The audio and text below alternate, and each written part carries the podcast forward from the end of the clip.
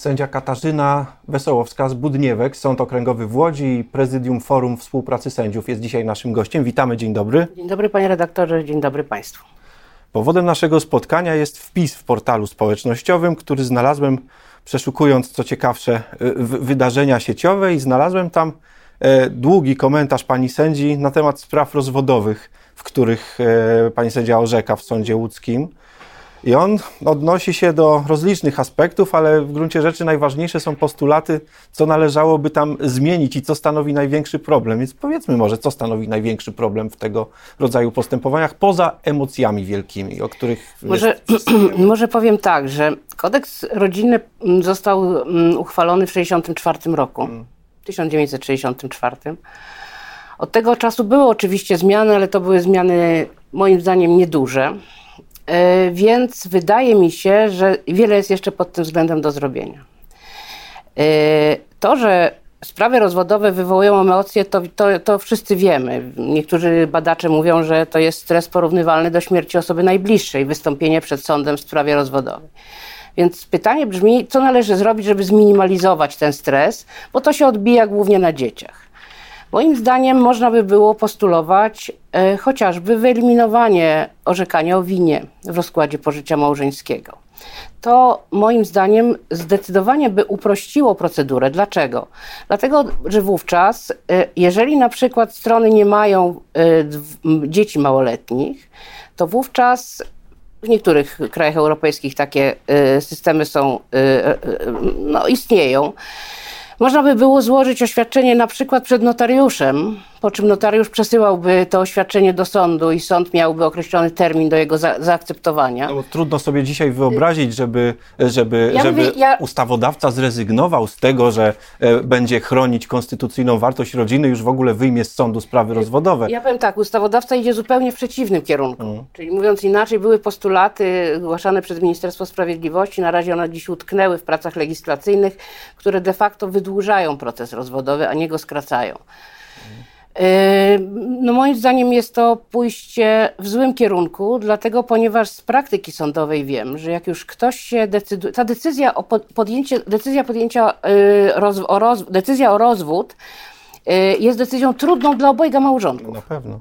To wcale nie jest tak, że to jest decyzja pod, pod wpływem chwili. Najczęściej jest tak, że ona jest głęboko przemyślana. Rzadko się zdarza, że strona mówi: nie, to może niech sąd zawiesi postępowanie, my się jeszcze zastanawiamy. Ja oczywiście namawiam no, strony, mhm, tak? Mhm. Ale y, dlatego wydłużanie tego procesu jest moim zdaniem ze szkodą przede wszystkim dla rodziny. Co dobrego jest w orzekaniu o winie, a co niedobrego, pani sędzio? Niedobre jest to, że wtedy mm, wychodzą emocje, psują się relacje po, pomiędzy najbliższymi członkami rodziny. Na przykład wyobraźmy sobie sytuację, kiedy zeznaje babcia, czyli matka jednej ze stron, a jednocześnie babcia dziecka. Mhm. Tak?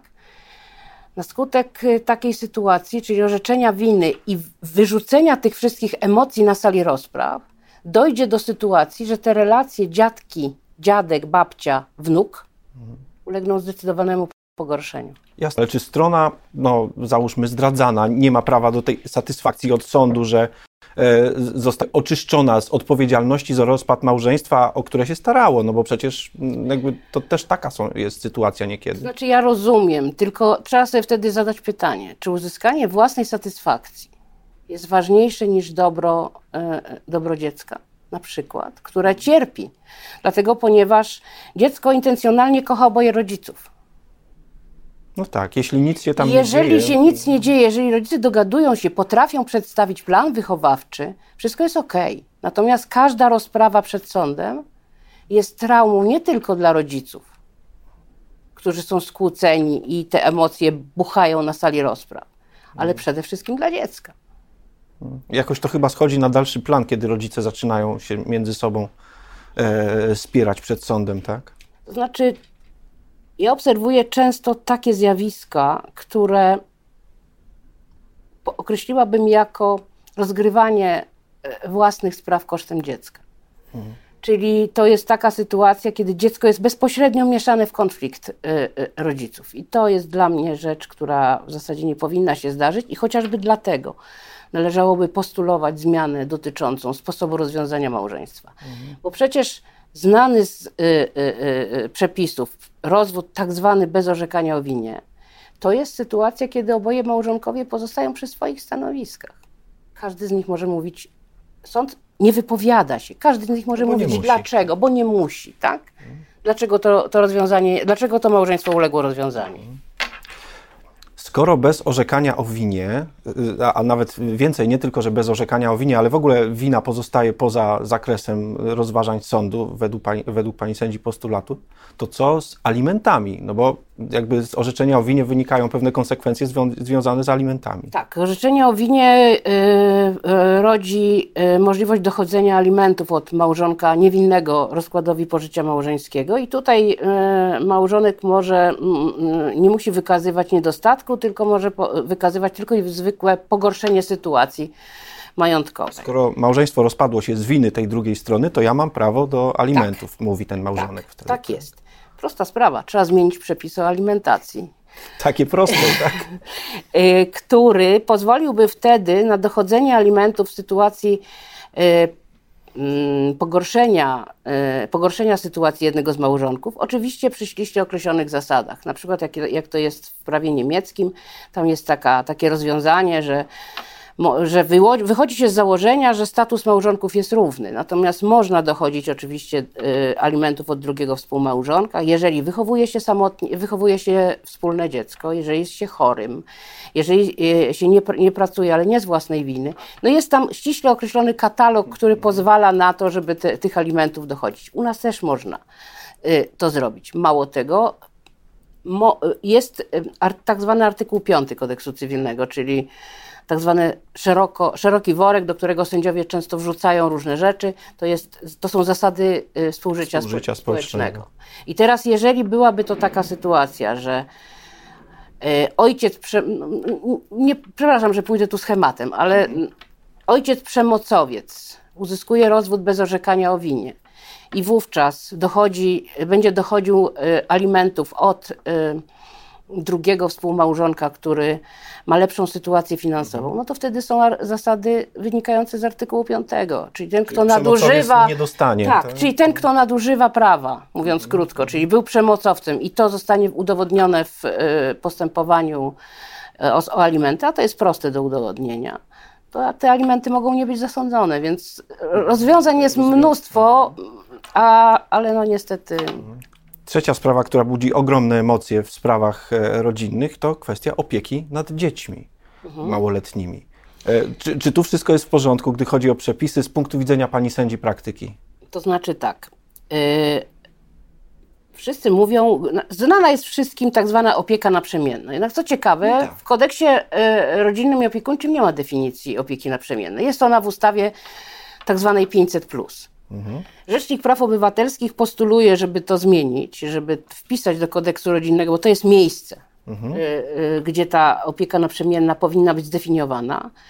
Y, I moim skromnym zdaniem zasada opieki naprzemiennej powinna być zasadą priorytetową. Czyli mówiąc inaczej, przychodzimy do sądu i zasadą jest, że sąd orzeka. To jest ta domyślna wersja. To jest ta tak? domyślna wersja. Natomiast w sytuacjach, kiedy jest zagrożone dobro dziecka, albo kiedy na to nie pozwala sytuacja obojga małżonków, to wtedy dopiero możemy mówić o innego rodzaju opie y, opiece i ustalania, bo to się wiąże z ustaleniem kontaktów różnych. A jak jest dzisiaj?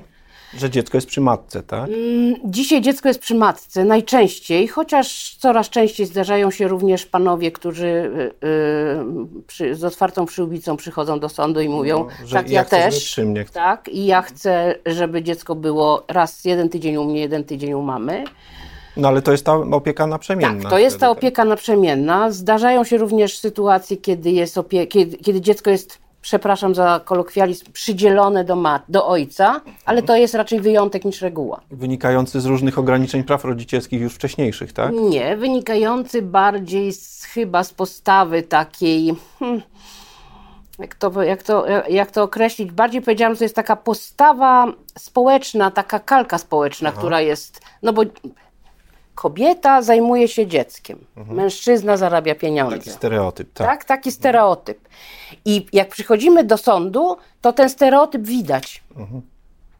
Mężczyzna, nie wiem, czy boi się podjąć takich wyzwań, czy czasami jest tak, że kobieta mówi: Nie, nie, nie, nie będzie opieki naprzemiennej. Bo jak o to wystąpisz, to w ogóle nie zobaczysz dziecka. Tak? Więc no, trudno mi powiedzieć, jakie są, jak, jak to jest, ale tak to wygląda w praktyce, że w większości wypadków dziecko jest przy matce. Należałoby to rzeczywiście zmienić i ustanowić taką wersję domyślną na opiekę naprzemienną. Moim zdaniem tak, z tego należałoby wyjść. Wtedy mam nadzieję, że tych wniosków panów o opiekę naprzemienną byłoby więcej. A gry dziećmi mniej. A gry dziećmi mniej, bo to zawsze się odbija na dziecku. Ach, ciężki temat, ale e, wa- warto, do niego, warto do niego chyba jeszcze wracać, bo, bo, bo, bo są tutaj sprawy, które da się zrobić. Bardzo, bardzo ciężki temat i muszę ym, panu powiedzieć, że te sprawy, one może nie są trudne merytorycznie, tak? bo to nie są sprawy, gdzie człowiek się musi zastanawiać nad wykładnią przepisu, e, bo one są obudowane szerokim orzecznictwem, ale one są trudne pod względem emocjonalnym. Również dla sędziego, który siedzi na sali. Nosi to pani w sobie. Bardzo. To moja praktyka wskazuje na to, że to bardzo głęboko gdzieś, e, pewne sprawy po prostu się pamięta. Dziękujemy za to spotkanie. Sędzia Katarzyna Wesołowska z Budniewek była naszym gościem.